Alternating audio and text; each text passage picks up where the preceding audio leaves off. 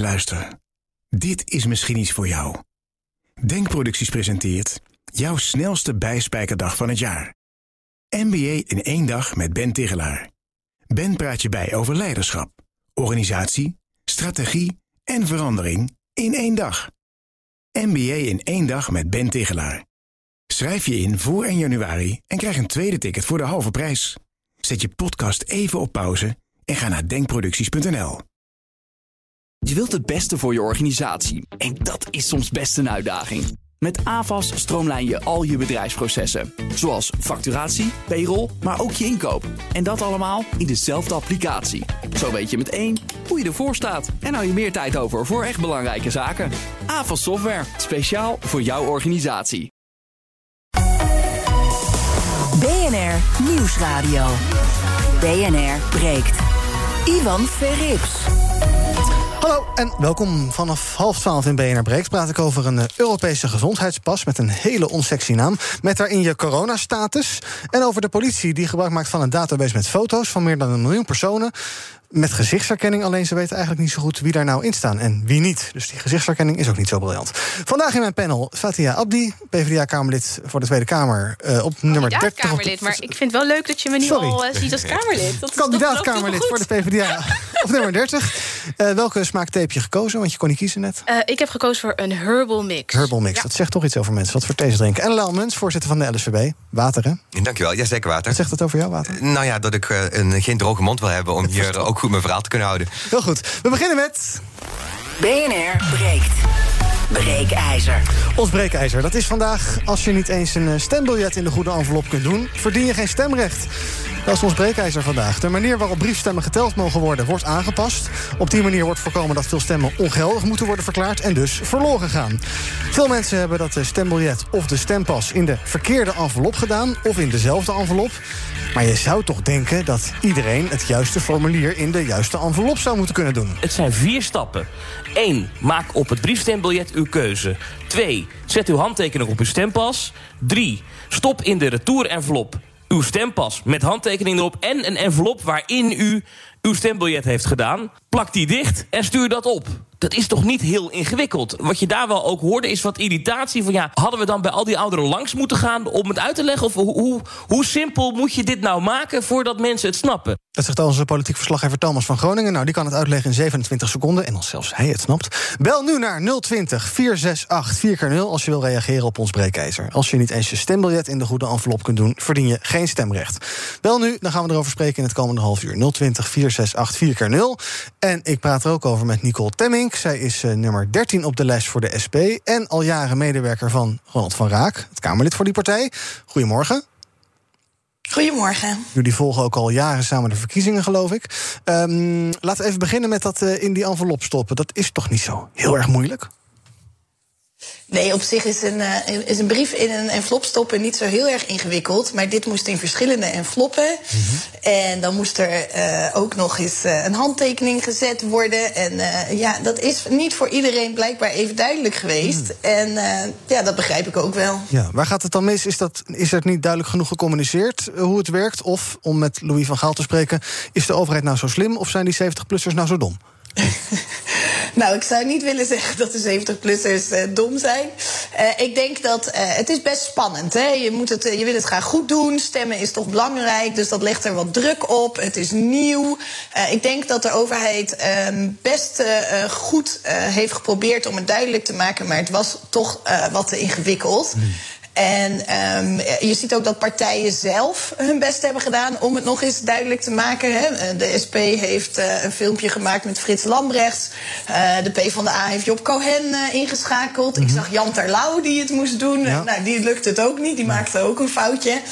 Uh, dus ik denk dat het, uh, uh, ja, dat het toch iets te ingewikkeld was. Ja. Ewald van Kouwen van de AMBO, de Ouderenbond... die vindt dat al die briefstemmen, dus ook hè, die stemmen... gisteren zijn die enveloppen geopend, althans de eerste enveloppen... om die gisteren en vandaag en morgen om die stempassen, de stempluspassen te checken... en dan morgen pas worden die stembiljetten geteld. Ja, het is best wel een ingewikkeld proces. Maar Ewald van Kouwen van de AMBO die vindt dat alle briefstemmen gewoon mee moeten tellen. wat er in de kern moet gebeuren is eigenlijk heel simpel. Um, je moet je stembiljet in een goede envelop hebben gestopt... anders anders klopt het niet, telt je stem niet mee. En wij zeggen nu, het maakt niet uit in welke envelop je hebt gestopt. Als het stembiljet binnen is, gooi het daar bij de gemeente de stembus en laat het gewoon meetellen. Nou, dat gaat dus ook gebeuren. hè? Want minister Ollongren heeft vanochtend eh, rond 8 uur een nieuwe instructie uitgevaardigd. Ben je daar blij mee? Eh, ja, daar ben ik heel blij mee. De SP heeft ook eh, Kamervragen gisteren erover gesteld. Ehm, kijk, het is natuurlijk wel belangrijk dat het stemgeheim gewaarborgd eh, eh, is. Eh, en ik denk dat met de procedure die Olongren eh, nu heeft voorgesteld, dat dat ook eh, kan. En dus dan worden de, eh, de stem. Biljetten worden apart gehouden. Die worden dan in een stembus gegooid eh, als eh, de stempas eh, inderdaad klopt. En dan kunnen die stemmen alsnog worden meegeteld. Ik denk dat dat heel belangrijk is. Ehm, want stemmen is zo ontzettend belangrijk en is gewoon een recht. En als je dan door een klein foutje jouw stem niet meetelt... dan is dat wel schadelijk voor het vertrouwen in de democratie. En het feit dat het nu eh, wordt opgelost, eh, ja, geeft ook aan eh, dat er ja, is ook goed voor het vertrouwen. Over dat stemgeheim gaan we het zo nog wel even over hebben. Want daar zijn misschien nog wel wat mits en maar over te zeggen. Eerst even een rondje in de studio. Daarna ga ik naar bellers. Je kan ook reageren op ons breekijzer. Bel naar 020 468 4x0. En het breekijzer is als je niet eens een stembiljet in de goede envelop kunt doen, verdien je geen stemrecht. Fatia. Hoe kijk je hier bij de PvdA naar? Ik heb het even opgezocht. Gemiddelde leeftijd van de PvdA-stemmer loopt tegen de 60 aan. Dus ook veel 70-plussers. Ja, dat zijn allemaal eh, stemmen die nu wel meetellen, maar eigenlijk ongeldige stemmen. Nou, ik vind als om te beginnen, en eh, ja, sorry, het is misschien niet echt een compliment aan jullie, maar ik vind deze stelling echt getuige van een een, ho- ridicule stelling, hè? hoge mate van arrogantie. Want, eh, en dat is iets wat je vaker ziet, weet je, verplaats je gewoon even in een ander. Er zijn gewoon heel veel 70-plussers inderdaad waar het een beetje lastig is gegaan. Eh, ik vind dat eerder een fout ook van het ministerie. Ik vind ook dat de instructie niet duidelijk genoeg was. Eh Nicole noemde net al, hè, de SP eh, heeft er veel op gedaan, PvdA heeft inderdaad met Job Cohen gedaan, maar de instructie was kennelijk niet duidelijk genoeg. En ik denk ook, denk aan die 1,3 miljoen laaggeletterden, daar hebben we het ook niet over gehad. Dus dat even verplaatsen in een ander, ik denk dat dat heel belangrijk is. Stemmen is gewoon ontzettend belangrijk voor onze democratie. Iedereen moet stemmen. Het zou echt onacceptabel zijn als dat niet zou gebeuren. Dus Ollongren had het wel moeten doen.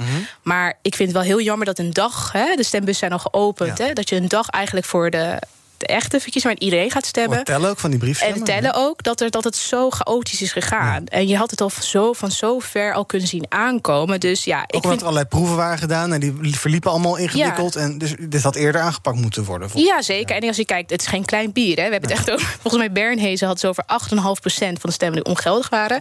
Normaal gesproken is dat 0,3%.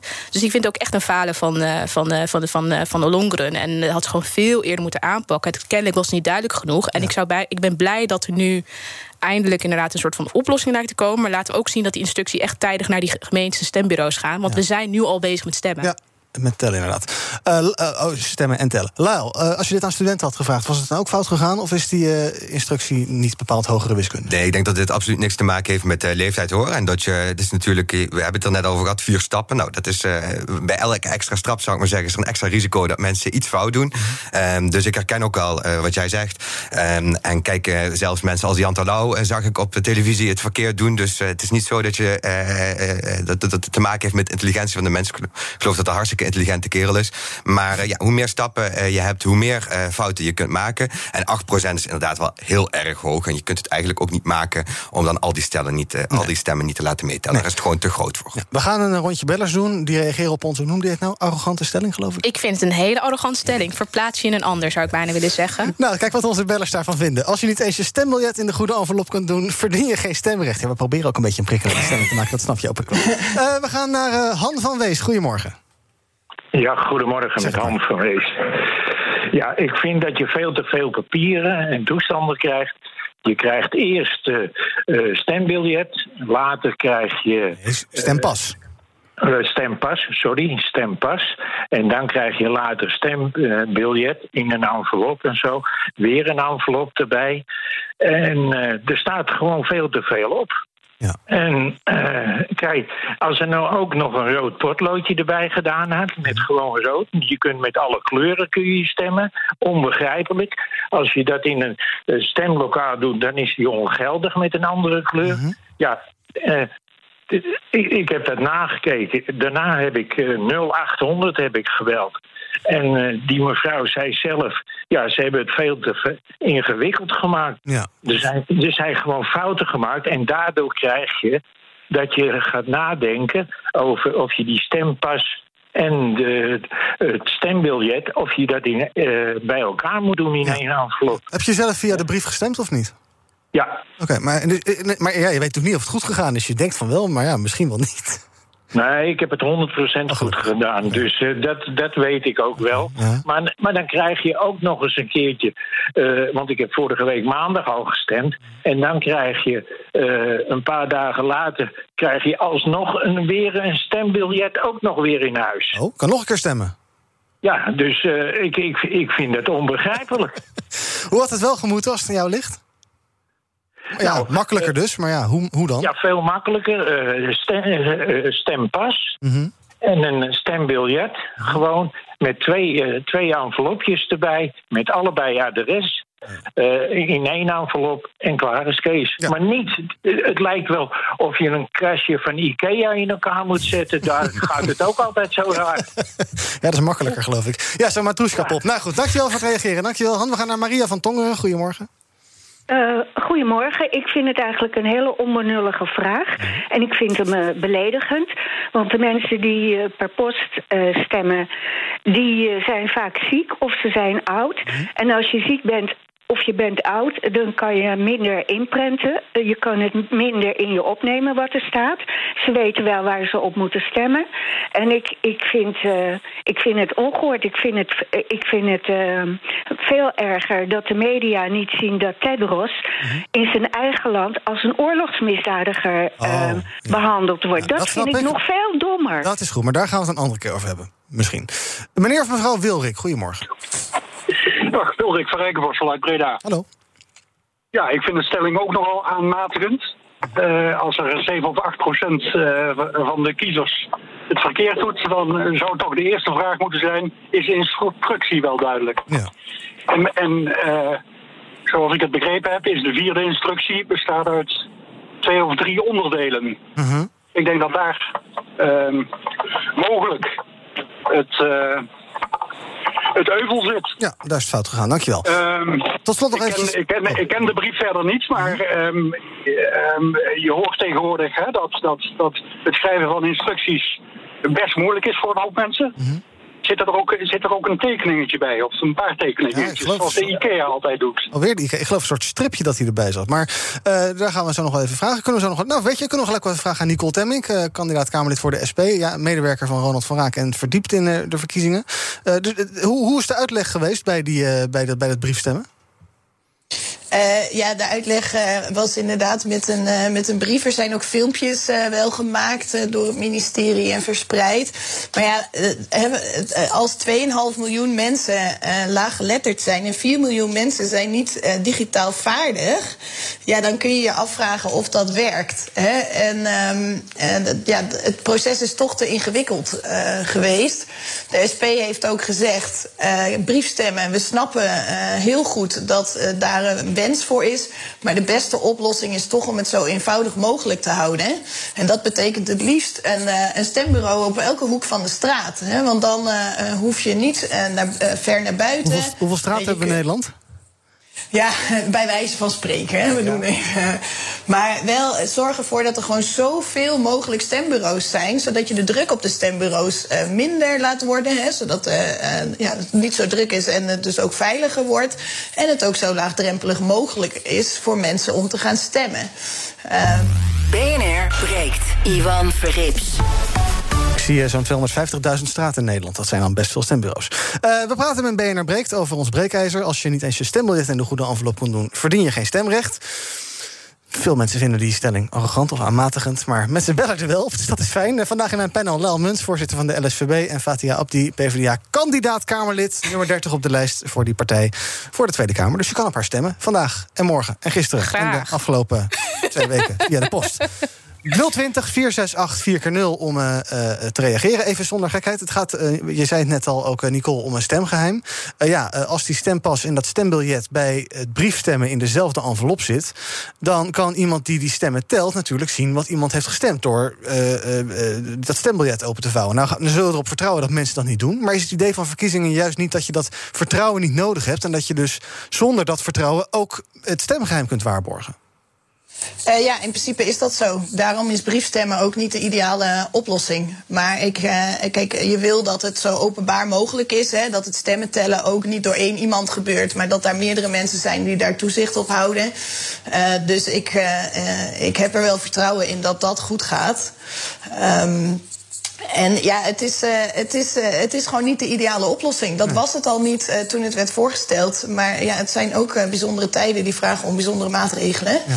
En je wil wel dat iedereen gaat stemmen. En over de stelling zelf is natuurlijk... Hè, het is terecht dat mensen zeggen dat het een vrij arrogante stelling is. Maar je ziet dit eigenlijk heel vaak, hoor, dit argument. Veel vaker dan alleen bij verkiezingen. Dat je toch mensen hoort zeggen van... nou, maar deze mensen hebben ook stemrecht. Mm -hmm. Of, hè, terwijl of uh, ja, je zou eigenlijk een test moeten doen voordat mensen mogen stemmen. Ja. Alsof uh, ja, als je niet weet uh, wie de bondscoach van Nederlands elftal is, je niet mag stemmen. Of als je geen ingewikkelde rekensom kan oplossen. Maar de democratie is van ons allemaal.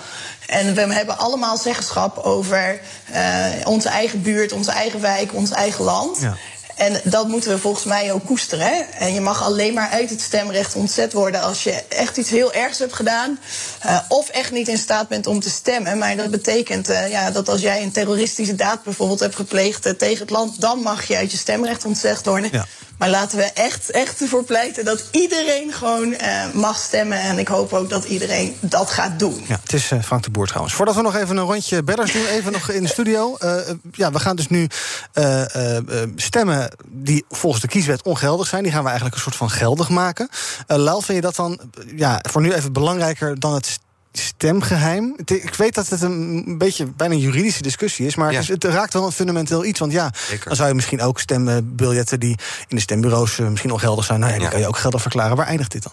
Nee, dat is, dat is een goede vraag. Het is ook een beetje een dilemma. Alleen ik denk wel, kijk, als het echt gaat over 8% van de stemmen die ongeldig zijn verklaard, dat het eh, democratisch belang van ook dat deel van die bevolking laten meespreken in de verkiezingen, dat dat nu tijdelijk meer opweegt ten opzichte van, nou ja, in dit geval het stemgeheim. Uh, en dat we inderdaad moeten vertrouwen op de ja, goedhartigheid, zou ik maar zeggen, ja. van de mensen die daarbij betrokken zijn. Uh, maar dit is wel echt een uh, blamage ook. Dus je zult heel goed moeten kijken naar, uh, als je dat postbusstemmen wil behouden, hoe je dat op een volgende manier, een andere manier kunt organiseren. Ja. Daar zullen ook vragen aan de minister over gesteld moeten worden, lijkt mij. Maar het democratisch belang van die mensen ook hun stem laten meewegen, dat weegt wat mij betreft op ten opzichte van nou, de, die andere dilemma's die er zijn. Fatia, zou je zeggen, stel dat we over. Zou je zeggen, briefstemmen dat moeten we houden voor oudere mensen? Of zeg je nou, als niet nodig is, doen we het niet? Nou ja, de briefstemmen, dat is natuurlijk niet alleen voor oudere mensen, maar het is ook voor kwetsbare mensen. Ja. Hè? En nu alleen dat... voor 70 plus. Dus als jij 65 en kwetsbaar bent, dan kan je niet briefstemmen. Nee, maar ik denk wat wel belangrijk is, het gaat er inderdaad over hoe kunnen we ervoor zorgen dat iedereen kan stemmen. Hè? Onze democratie is gewoon een groot goed. En wat ik gewoon best wel pijnlijk vind, nogmaals, ik wil toch herhalen. We zagen, de verkiezingen zijn gewoon gepland. We zagen al ver van tevoren aankomen dat de verkiezingen in hele ongebruikelijke tijden hadden moeten doen. Ik vind het heel pijnlijk dat er heel veel mensen zijn die zich nu zorgen moeten maken van wordt mijn stem wel of niet meegeteld. Dat kan niet. En Olongere heeft misschien wel aangekondigd dat ze een nieuwe instructie heeft gedaan. Dat vind ik goed. Mm -hmm. Maar ik heb verder ook helemaal niks gezien of gehoord van haar op Twitter of verder in de media. Om nee. mensen te gerust te stellen van hé, hey, je stemmen worden echt meegenomen en je stem telt. Mm -hmm. Als het gaat over hè, de toegankelijkheid van stemmen, ja, ik zei het net ook al. Er zijn heel veel mensen die nu al meer dan een jaar thuis zitten vanwege de coronacrisis. Laten we dat ook even ons inwerken. Zou het dan zo moeten zijn dat deze mensen dan bijvoorbeeld dan niet hun stem dan minder waard is? Ik vind dat een hele rare hele rare idee. Ja. En uh, ik vind het, ja, Lyle zei net ook al, een blamage. Ik vind meer dan blamage. Ik vind het echt niet goed voor de vertrouwen in onze democratie. Dus ik hoop heel erg dat uh, Longeren veel meer van zich laat laten horen. Ja. En de gehele politiek ook. Door te zeggen van jongens, je stemmen tellen mee. Het gaat gewoon goed komen. En dat je dit moet onderzoeken hoe dit gegaan is. En hoe ja, en de kiesraad en, gaat het doen. Hè. De kiesraad die gaat uh, naar kijken of het inderdaad allemaal ordentelijk is verlopen. En wat misschien ook wel goed om te zeggen is... Olongeren heeft het ook getoetst met de Raad van State. Hè, want het is een beetje ongebruikelijke procedure. De Raad van State zei, nee, we snappen dit, we zien dit. En het kan ook binnen de wet? Het kan ook binnen de wet. Dus ik denk dat is ook gewoon goed om eventjes uh, nog te noemen. Alright, we gaan nog even een kort rondje bellers doen aan het einde van dit half uurtje. We beginnen bij Saskia de Jong. Goedemorgen. Goedemorgen. Ik spreek met Saskia. Hallo. Uh, mijn naam is Saskia. Ik ben van Titan Task Collections. En uh, ik vind deze stelling heel vreemd. Omdat ik inderdaad vind dat iedereen moet kunnen stemmen. Ik ben zelf al een hele tijd bezig om de Tweede Kamer te benaderen. Omdat ik een app op heb ontwikkeld. Juist om dit soort dingen te voorkomen. Daar komt geen reactie op. En uh, ja, ik, ik denk dat we af moeten van dat postbus stemmen. En op een andere manier moeten gaan doen. Ja. Nou ja, over stemmen met een app is geloof ik ook genoeg te zeggen. Ehm, dat het niet zo verstandig is in het kader van het stemgeheim ook. Maar dat is voor een andere uitzending. Hans Bremer, goedemorgen. Ja, goedemorgen met Hans Bremer. Zeg het maar. Uh, nou, ik vind eigenlijk dat de verkiezingen ongeldig verplaatst zouden moeten worden. Want er is nu een hele hoop verwarring ontstaan. En ik heb zelf ooit meegedaan met vier waterschapsverkiezingen. En die verkiezingen die moesten over, omdat er verwarring is pas bij de stemgerechtigden. Mm En uh, dat resulteerde er uiteindelijk in dat uh, de Raad van State heeft een, een, de verkiezingen ongeldig verklaard. Die moesten over. In één waterschap moesten de verkiezingen zelfs voor een tweede keer over. Omdat mensen in het verkiezingskrantje een onjuiste informatie hadden gezet. Oh, ja. Dus uh, overdoen, zeg jij. Dankjewel. Egbert, goedemorgen.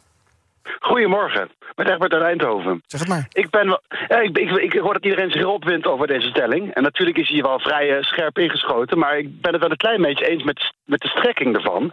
Want ik hoor iedereen heel erg op boos roepen... Uh, iedereen moet mogen stemmen, daar ben ik het mee eens. Uh, en ik vind dat ook jongeren moeten mogen stemmen. En als ik moet kiezen tussen de stem... de democratische, waar het land de goede kant op sturen stem... van een scholier van 16...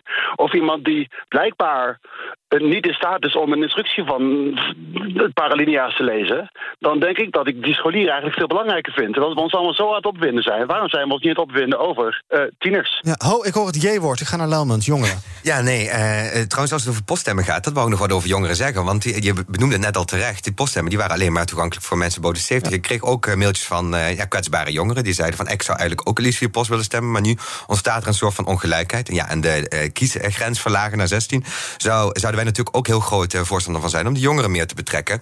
Maar dat zegt niks over nou ja, de capaciteiten van ook mensen boven de uh, 70 om via de poststemmen uh, een stem uit te brengen en dat ook geldig te laten verklaren. Ja. Dus laten we die groepen niet tegen elkaar uitspelen en Precies. zeker meer doen om het voor jongeren toegankelijk te maken, helemaal mee eens. Maar ook uh, deze stemmen geldig laten verklaren. tot slot, nou nog twee bellers. Marlies, goedemorgen. Ja, hallo. hallo. Met Marlies Poot uit Almere. Harry.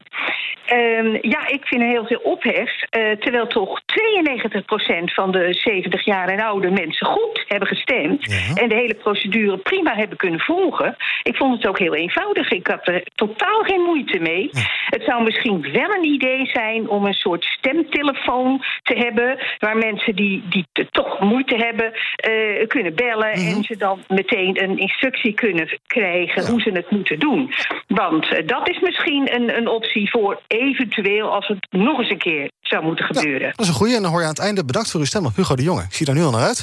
um, nog één vraagje tot slot. Uh, uh, uh, FVD, gisteren sprak onze Thomas van Groningen, onze politiek verslaggever, met Thierry Baudet. Die maakt zich al tijden nou ja, zorgen om, om de verkiezingen. En die zegt eigenlijk misschien... Ik had ook een ene meneer Mijns die dat WhatsAppte naar ons. Die zei, had Thierry Baudet dit niet al voorspeld tegen Thomas gisteren? Ja, Fatia, denk jij dat partijen hier misbruik van gaan maken? En dat Baudet nog gaat zeggen, zie je nou wel de verkiezingen en de stemmen? En, nou ja, Baudet gaat het sowieso zeggen. En laten we, laten we wel één ding heel duidelijk zijn uh, over Thierry Baudet. Het is gewoon een volksmanner. Hè? Dus door onze verkiezingen überhaupt in twijfel te trekken... ja, misschien dat hij zo'n draaiboek nou ja. wilt lenen uit de VS en hier wil toepassen. Maar vandaag is het dus gebleken dat het best wel een beetje... Nee, ik vind, dat echt, ik vind dat echt een ondermijning. En Thierry zegt wel meer dingen. Hij wil ook op het plein gaan staan en mensen allemaal bij elkaar roepen. Zeker in deze coronatijden waar de besmettingen gewoon heel erg oplopen. Dus ik zou zeggen, luister vooral niet naar Thierry Baudet... want het is gewoon een ouderwetse volksmanner...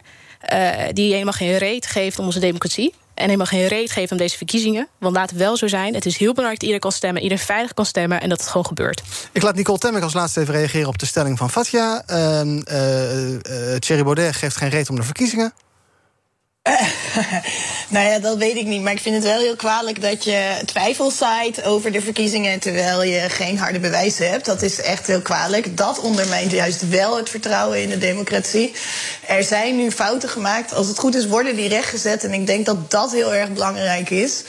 En uh, ik hoop vooral dat iedereen gewoon uh, gaat stemmen. Gaat doen. Dankjewel. Superbelangrijk. Nicole Temming, fijn dat je erbij was. Kandidaat-Kamerlid voor de SP. Um, zij verdiept zich in de verkiezingen samen met Ronald van Raak. En dat doet ze al jaren. En je kunt dus op haar stemmen als je wil. Um, het hoeft ook niet. Ja, ik heb heel veel kandidaat-Kamerleden. Dus ik zeg altijd maar tegen iedereen succes. Ook uh, de komende dagen tijdens de uh, echte verkiezingen morgen. Zometeen praat ik met mijn panel, want die blijven hier gewoon verder over een uh, Europese gezondheidspas. Waar je coronastatus op komt te staan. Wordt dat dan een mogelijkheid om weer het vliegtuig in te stappen en te gaan reizen? En we gaan het over Tinder hebben. De dating-app laat gebruikers checken of een date een crimineel verleden heeft. Tot zo.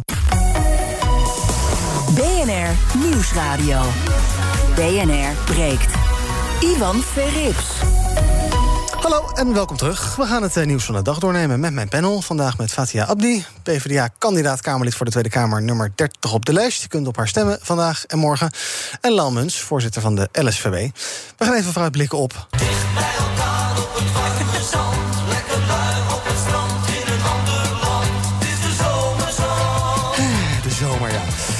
EU-burgers die moeten deze zomer weer grotendeels vrij kunnen reizen... met een pas waarop staat wat hun coronastatus is. Dus ben je gevaccineerd of ben je recent getest... en dan negatief natuurlijk, of heb je antistoffen opgebouwd... omdat je het coronavirus hebt gehad... dan moet die pas toegang geven tot de EU-landen. De Europese Commissie presenteert daarvoor morgen een plan... met de totaal ontspoorde naam Digital Green Certificate... Heel erg saai. Ehm, eerst even, hebben jullie al vakantie geboekt uh, in de zomer? Er zijn, heel veel, er zijn mensen die... Uh, er is een run hè, op vakanties.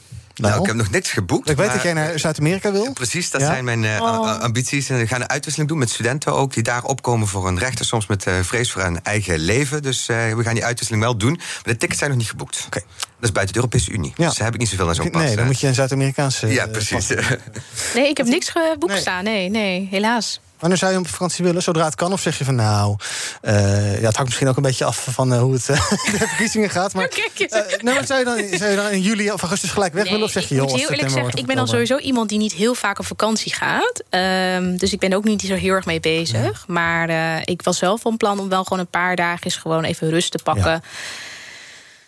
In mei. Dat is al vrij snel. Dat, kan. Nou, dat plan dat wordt dus morgen officieel gepresenteerd. En een ander is al gelekt via de NOS en de Volkskrant.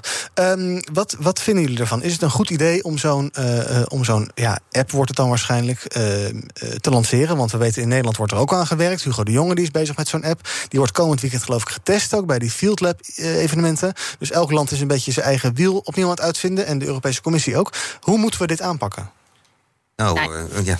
Nee, ik, nee, nou, ik wil Nou, nee, ik, ik vind, ik, ik- wat ik belangrijk vind om te zeggen is ook gewoon... Hè, als je kijkt naar het aantal besnep- besmettingen... die lopen gewoon nog steeds enorm hoog op. Hè. We hebben net bericht gekregen, ook in Duitsland... dat het echt exponentieel gegroeid is. Dus volgens mij was iets van een, een, een toename van 20% Dus die derde golf, die komt er gewoon aan. Dus eh, ik snap de discussie rond de vaccinatiebewijs. Ik denk dat het goed is om daar alvast inderdaad inhoudelijk mee bezig te zijn. Maar het feit dat de besmettingen gewoon zo hoog oplopen... en dat we nog steeds niet iedereen een vaccinatie heeft... en dat Hugo de Jonge ook nog eens de vaccinaties voor AstraZeneca heeft stilgelegd... weet je, ik vind dat het bijna een soort van hele voorbarige discussie. En eh, wat ik ook wel gewoon pijnlijk vind is van... ja, je ziet het ook gewoon bij de mondkapjes vorig jaar. Er was ook een tekort. Je zag het bij het testen, dat kwam niet in orde. Nou ja, ik weet niet of jullie de corona-app op jullie telefoon hebben. Ik ken niemand en degene die het heeft, eh, het werkt gewoon niet. Ehm, en nu komen we dus inderdaad aan op dat gewoon de vaccinatie nog steeds heel rommelig verloopt. Ja. Eh, mensen dringen voor, heel veel mensen krijgen het niet. Je hebt mensen die echt denken van ja, moet ik wel een vaccin of iets nemen, omdat ze allemaal rare berichten Ja. lezen op Facebook. Dus om heel eerlijk te zijn, ik voel me eerder ongemakkelijk hierbij, omdat ik denk van jongens, laten we eerst zorgen dat gewoon iedereen gevaccineerd kan worden en dat iedereen er ook toegang toe heeft en dat iedereen ook gewoon hè, eigenlijk veilig eh, en verantwoord de dingen kan doen en oppakken. Er zijn zoveel mensen die nu echt zo lang geïsoleerd thuis zitten. Aan de andere kant, ehm, je zegt het is misschien een beetje voorbarig... maar als we er te laat mee beginnen, dan zeg je binnenkort het is te laat. nee, dus ik denk, de inhoud, nee, ik vond, daarom zei ik ook terecht, daar begon ik ook mee. hè. Ik zei van die inhoudelijke voorbereiding, ik vind dat heel goed dat we daar alvast mee beginnen. Maar ik vind het wel belangrijk signaal om even af te geven, jongens, die besmettingen lopen op, de derde golf komt eraan. Niet iedereen heeft nog een eh, vaccin, laten we dat eerst even regelen. Ja, ja, goed idee, Lau, om de juichgeluiden een beetje te temperen. Nou ja, goed. Ik denk eh, dat de besmettingen inderdaad oplopen. Dus dat is ook een stukje realisme. Eh, Ik vind het wel goed dat ze hiermee eh, bezig zijn. Ik zou wel willen benadrukken dat dat zoiets echt een tijdelijke maatregel moet zijn. Dus op een gegeven moment heb je natuurlijk eh, voldoende vaccins gezet in de verschillende EU-landen. En dan vind ik wel weer dat je gewoon zonder eh, allerlei eh, grenzen daarop eh, binnen Europa zou moeten kunnen reizen. We zijn natuurlijk wel nog altijd een grenzenunie. Dus ik vind dat je die integriteit, zou ik maar zeggen, van de, van de grenzenunie, dat je die ook moet bij- blijven bewaken. Dan kan dit in een, een soort van tussenfase een oplossing zijn. Maar op lange termijn moeten de beperkingen er weer vanaf. Ja, waar we zo'n app in ieder geval niet voor nodig hebben... dat zal zijn voor eh, Koningsdag en voor Bevrijdingsdag, want die gaan niet door. Na overleg van het eh, Veiligheidsberaad gisteravond is besloten... dat er tot en met 5 mei geen grote evenementen zullen plaatsvinden. Ehm, jij noemde al, Fatia, de oplopende cijfers. Nou, dan Mm. is dat niet heel verrassend. Aan de andere kant hoor ik steeds, we hebben perspectief nodig. Ja, Ehm, vind ik ook hele Hoe ziet de wereld boodschap. over anderhalve maand uit? Is het, niet een beetje, is het ook niet dat misschien een beetje voorbarig om nu al te zeggen... tot en met 5 mei doen we niks? Nee, ik denk dat zeker dat stukje perspectief nodig is. En ik denk ook dat mensen daar ook echt naar snakken. Hè. We, we- zoveel mensen voelen zich enorm eenzaam. En, en, en zoals ik zei, zo- weet je, kinderen kunnen niet naar school. Weet je, er zijn zoveel dingen die echt misgaan in deze pandemie. Maar dat betekent ook dat we die pandemie eerst moeten verslaan. Hè. Dus daarom dat ik ook zei: van laten we eerst voor zorgen dat iedereen gewoon een vaccin kan krijgen. Laten we zorgen dat dat testen gewoon echt goed werkt. Dat loopt ook niet goed. Ehm, laten we eerst zorgen dat we gewoon hè, wat voldoendes misschien krijgen op ons rapport als het hierop aankomt.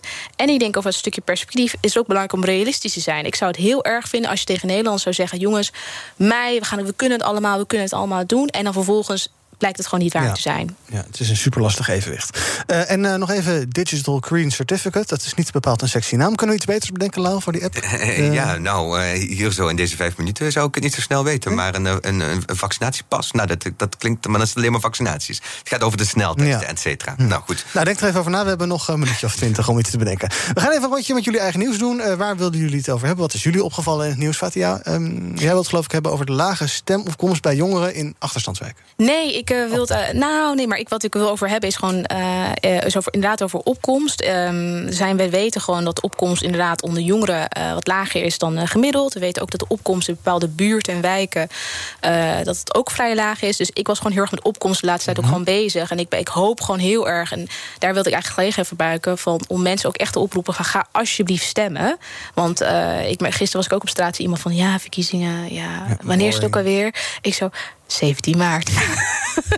Ehm, dus ik vind dat gewoon heel erg belangrijk te zeggen. En ik denk, opkomsten hebben soms te weinig over. Maar het is gewoon heel erg belangrijk. En het Mhm. slaat een beetje aan op de eerdere discussie die we hadden ook over stemmen. Hè. Wie stemt telt mee. Ik zou zeggen, laten we zorgen dat de- iedereen stemt zoals er meetelt. Maar ook dat iedereen gaat stemmen. En dan denk ik, dat is gewoon heel erg belangrijk voor onze democratie. En eh, de groep, je noemt eh, eh, jo- jongeren, Ja. maar ook achterstandwijken Ja. bijvoorbeeld. Ja, die ga je natuurlijk niet via BNR bereiken, Nee. bij wijze van spreken. Dus wa- waar moet je dan in de, in de ja, hoe moet, de- hoe moet de overheid dat aanpakken? Want wij kunnen dat wel zeggen tegen onze vrienden, maar ja, die stemmen toch waarschijnlijk al wel. Nou dus wat de, is, de wat is, publiekscampagne, die, zou een publiekscampagne komen, die is inderdaad nu van start gegaan. Van mij had die veel eerder mogen Mhm. beginnen. Juist omdat we ook hè, in een ongebruikelijke situatie zitten waar voor heel veel mensen toch corona nog op het voorgrond is van, hè, van, hun, van, hun, van hun denken, hun gedachten. Ik vind de gemeente Amsterdam, wil ik echt een complimentje geven. Ik ben echt helemaal gespamd met allemaal berichtjes. Overal of ik YouTube aanzet. Ik zou bijna zeggen, nou, als ik naar de wc ga, krijg ik nog een berichtje van de gemeente Amsterdam gaan stemmen. Dus dat vond ik echt top. Wat ik zelf heb gedaan, en het is niet alleen de overheid, hè, de politieke partijen, maar ook jullie trouwens ook hier bij mij hier aan de panel. Iedereen heeft natuurlijk ook belang bij om te zeggen van hé, hey, ga je stemmen, ga stemmen. En dat werkt gewoon heel goed. Dus ik denk dat is iets wat ik in mijn campagne veel heb gedaan. Veel met mensen op straat in gesprek gegaan, ook online. gewoon naar mensen toe. Ja, gewoon gezegd van mensen, ga alsjeblieft stemmen. Maakt niet uit wat je stemt, maar ga alsjeblieft stemmen. En je merkt dat mensen dat wel heel fijn en prettig vinden. Doe je dat vandaag en morgen ook nog? Ik Iedereen ga die, eh, van de daken schreeuwen tot echt de laatste snik van ga stemmen, alsjeblieft. ja, tot morgenavond, één minuut voor negen ben je bezig. Lau, wat was jou opgevallen? Wat, eh, waar wil Nou, het over hebben? eh, we hadden gisteren natuurlijk het debat eh, op één vandaag tussen de lijsttrekkers. Nou, er was ook een debat tussen eh, Kaag en Klaver. En dat ging over studenten. Dat ging namelijk over. Ja, we hebben nu te maken met een eh, leenstelsel. Dus eh, studenten moeten hele hoge studieschulden aangaan. om überhaupt hun studie te kunnen afmaken. Nou, daar zijn de meeste partijen, waaronder ook D66 GroenLinks, het over eens dat ze dat willen afschaffen. Dat er weer een basisbeurs moet komen. Maar de hele grote vraag, eh, en dat is ook eh, de reden waarom eigenlijk eh, vorige week studenten door het hele land in beweging zijn gekomen. binnen de Niet Mijn Schuldcampagne. is wat ga je doen met die generatie studenten die nu studieschulden van 40.000, 50.000 euro hebben? Ga je die ook goed compenseren? Nou, die vraag stelde Klaver eigenlijk aan Kaag. En daar kwam niet helemaal een heel sterk antwoord op. Dus, Want wat zei zij? nou, ze zei, in hun doorrekeningen hebben ze daar eigenlijk geen extra middelen voor uitgeruimd, eh, geruimd, D66. Zij gaf aan dat ze die studenten met 4000 euro wil compenseren. Eh, maar wat die studenten die in beweging komen zeggen dat belangrijk is om te doen, is dat je dat bedrag van die oude basisbeurs eh, neemt als uitgangspunt om te compenseren. Nou, als je dan thuis hebt gewoond, zou dat 5000 euro zijn. Als je uitwonen bent geweest, zou dat 15.000 euro zijn. En een paar duizend euro, dat zet echt geen zoden aan de dijk als je het hebt over studieschulden van 40, 50.000 euro.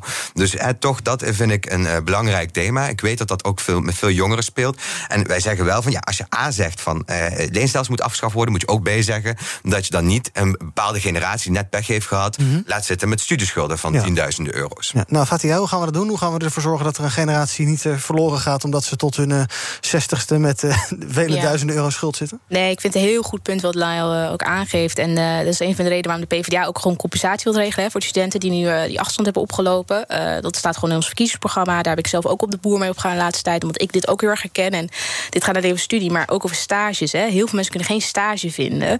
En die zijn, zitten enorm in de stress van... oké, hoe ga ik überhaupt mijn opleiding verder afmaken? Dus ik denk dat het heel belangrijk is. En ja, ja wat Lau net ook zegt, van, hè, D66 zegt de hele tijd... dat ze een onderwijspartij zijn. Het komt niet echt terug, Nee, zo wat, zeggen. wat, wat zeg jij dan? Hoe moet je die mensen compenseren? Die- generatie? Wij willen hun echt een jaar compenseren. Echt Mhm. een jaar compenseren. We denken dat het heel veel rust geeft. We denken ook dat mensen hun mentale welzijn eh, nu echt gewoon niet goed gaat met heel veel jongeren. Dus we willen ook dat signaal aan hun geven. En we willen hun ook helpen met stages en stages zeg, begeleiden. Niet of het goed genoeg is voor Luil. Even ja of nee? Nou, we hebben twee compensaties. Die voor de coronacrisis, dat is het verhaal Ja. van het extra jaar. Maar we hebben ook het verhaal van die korting op de studieschuld... die gegeven zullen moeten worden. En daar eh, denken we wel echt een serieuze bedragen. Want het zijn ook hele serieuze studieschulden. Nou, daar moet je misschien zo meteen na de uitzending nog maar even over praten met Satya. Of je daar nog. eh, Precies. Nou, en het is ook een boodschap aan alle politieke partijen, niet alleen D60. Zorg ervoor, zo meteen met de regeringsonderhandelingen... dat je hier goed rekening mee houdt. Anders gaan 100.000 jongeren met 10.000 euro studieschuld blijven zitten. BNR breekt. Ja, eh Lau, noem het wel even. Het Eén Vandaag debat vond gisteren plaats tussen de lijsttrekkers van zes partijen: VVD, CDA, PVV, D66, GroenLinks en de PvdA. En dat debat begon gelijk fel tussen Lilianne Ploemen van de PvdA en Wopke Hoekstra van het CDA. Ik schrok toen ik het programma van het CDA las. Want ik ken het CDA van hun sociale gezicht. Maar wat staat nou in dat programma onder andere? De WW-duur wordt met de helft bekort. Mensen gaan na een jaar naar de bijstand. Het minimumloon wordt niet verhoogd. En als je ziek bent na vijven en in het weekend... en je moet naar de huisartsenpost... dan moet je een eigen bijdrage van 25% betalen. Dat vind ik onfatsoenlijk.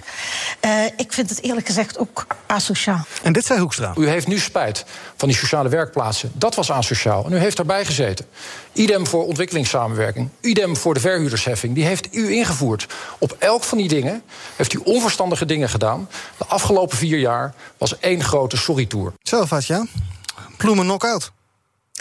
Nou, laat ik even zeggen dat eh, ik van Hoekstra heel blij ben dat hij zijn ware gezicht heeft laten zien. Eh laat daarmee beginnen. Want eh, één ding wat mij persoonlijk aan het hart gaat. Hoekstra heeft, eh, we kwamen achter ook in maart, hè, gewoon extra geld geblokkeerd voor naar jeugdzorg.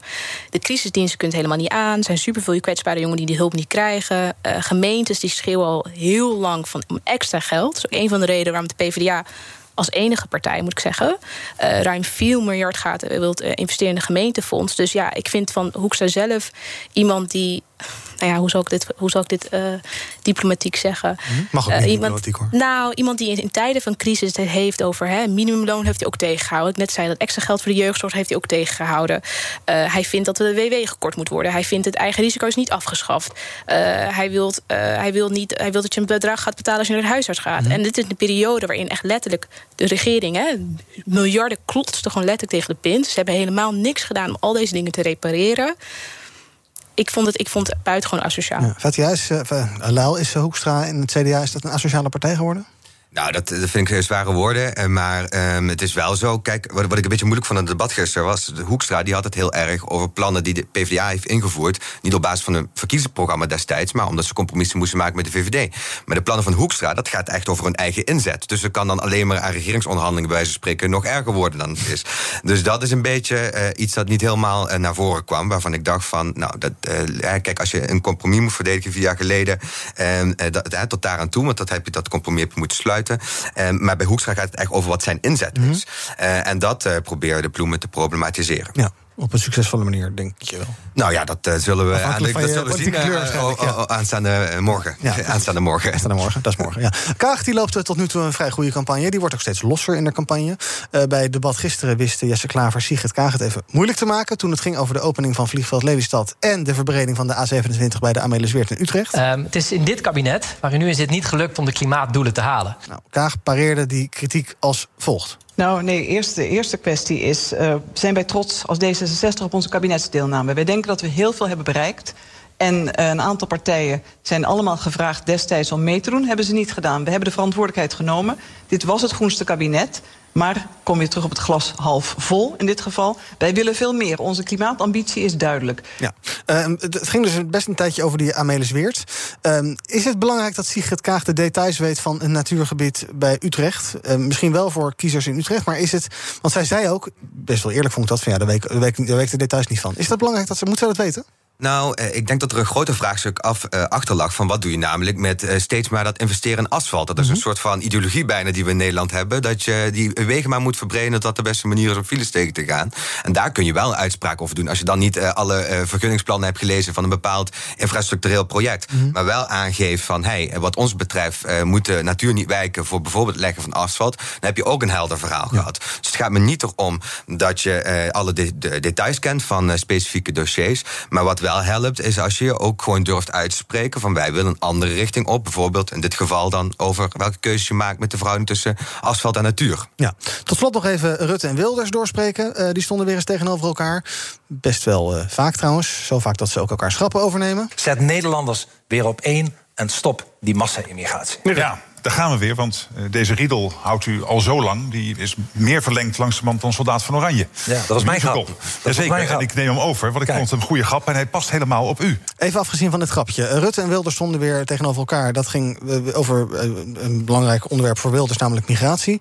Eh, ook wel een beetje afgezaagd inmiddels, ja, toch? We weten wel wat die partijen daarvan vinden. Je gaat daar toch niemand meer mee overtuigen met, deze, met dit debat. Nee, en het is een soort draaiboek weer die ze dan elke keer weer bijpakken. Van oh, de verkiezingen komen aan. Laten we eventjes gewoon hè, op, eh, over, over vluchtelingen hebben, over immigranten. Laten we even onze meest racistische kant laten zien. Eh, ik vond het pijnlijker dat Rutte daarna ook een tweet uitdeed waar hij had over Syrische migranten. Ik vond het echt heel pijnlijk. Ook als je bekijkt naar de kwestie Moria, waar dit kabinet heel weinig heeft gedaan. Terwijl we weten dat gewoon kinderen daar zitten in modder, regen. Zo geen enkele voorziening. En Nederland gewoon zich niet aan haar verantwoordelijkheden houdt. Dus ik vond dat zelf heel pijnlijk.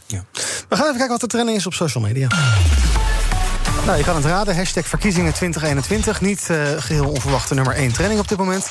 Politiegeweld. Er wordt eh, op Twitter nog steeds nagepraat over het nou, best wel gewelddadige optreden van de politie op het Malieveld zondag. En daar is weer de Amelis Weers. Dat eh, had te maken met dat debat tussen Klaag, Klaag, nee, Klaver en Kaag. Bij een vandaag over dat Utrechtse natuurgebied. Ehm, en dan gaan we het tot slot nog even hebben over. Ik heb een relatie, dus ik ken dit geluid niet. Maar het schijnt het geluid van Tinder te zijn. Ken je het geluid wel? Zeker, zeker. Wat ja? Nee, ik, herken het geluid. ik, ik ben single, maar ik herken dit geluid ook niet. Zit je niet op Tinder, denk ik dus? Wel, nou goed. Tinder gaat gebruikers laten checken of hun date een crimineel verleden heeft. Dat doen ze om het eh, risico van seksueel geweld en datinggeweld tegen hun gebruikers te verkleinen. Dat doen ze met de technologie van een bedrijfje dat ze onlangs hebben overgenomen.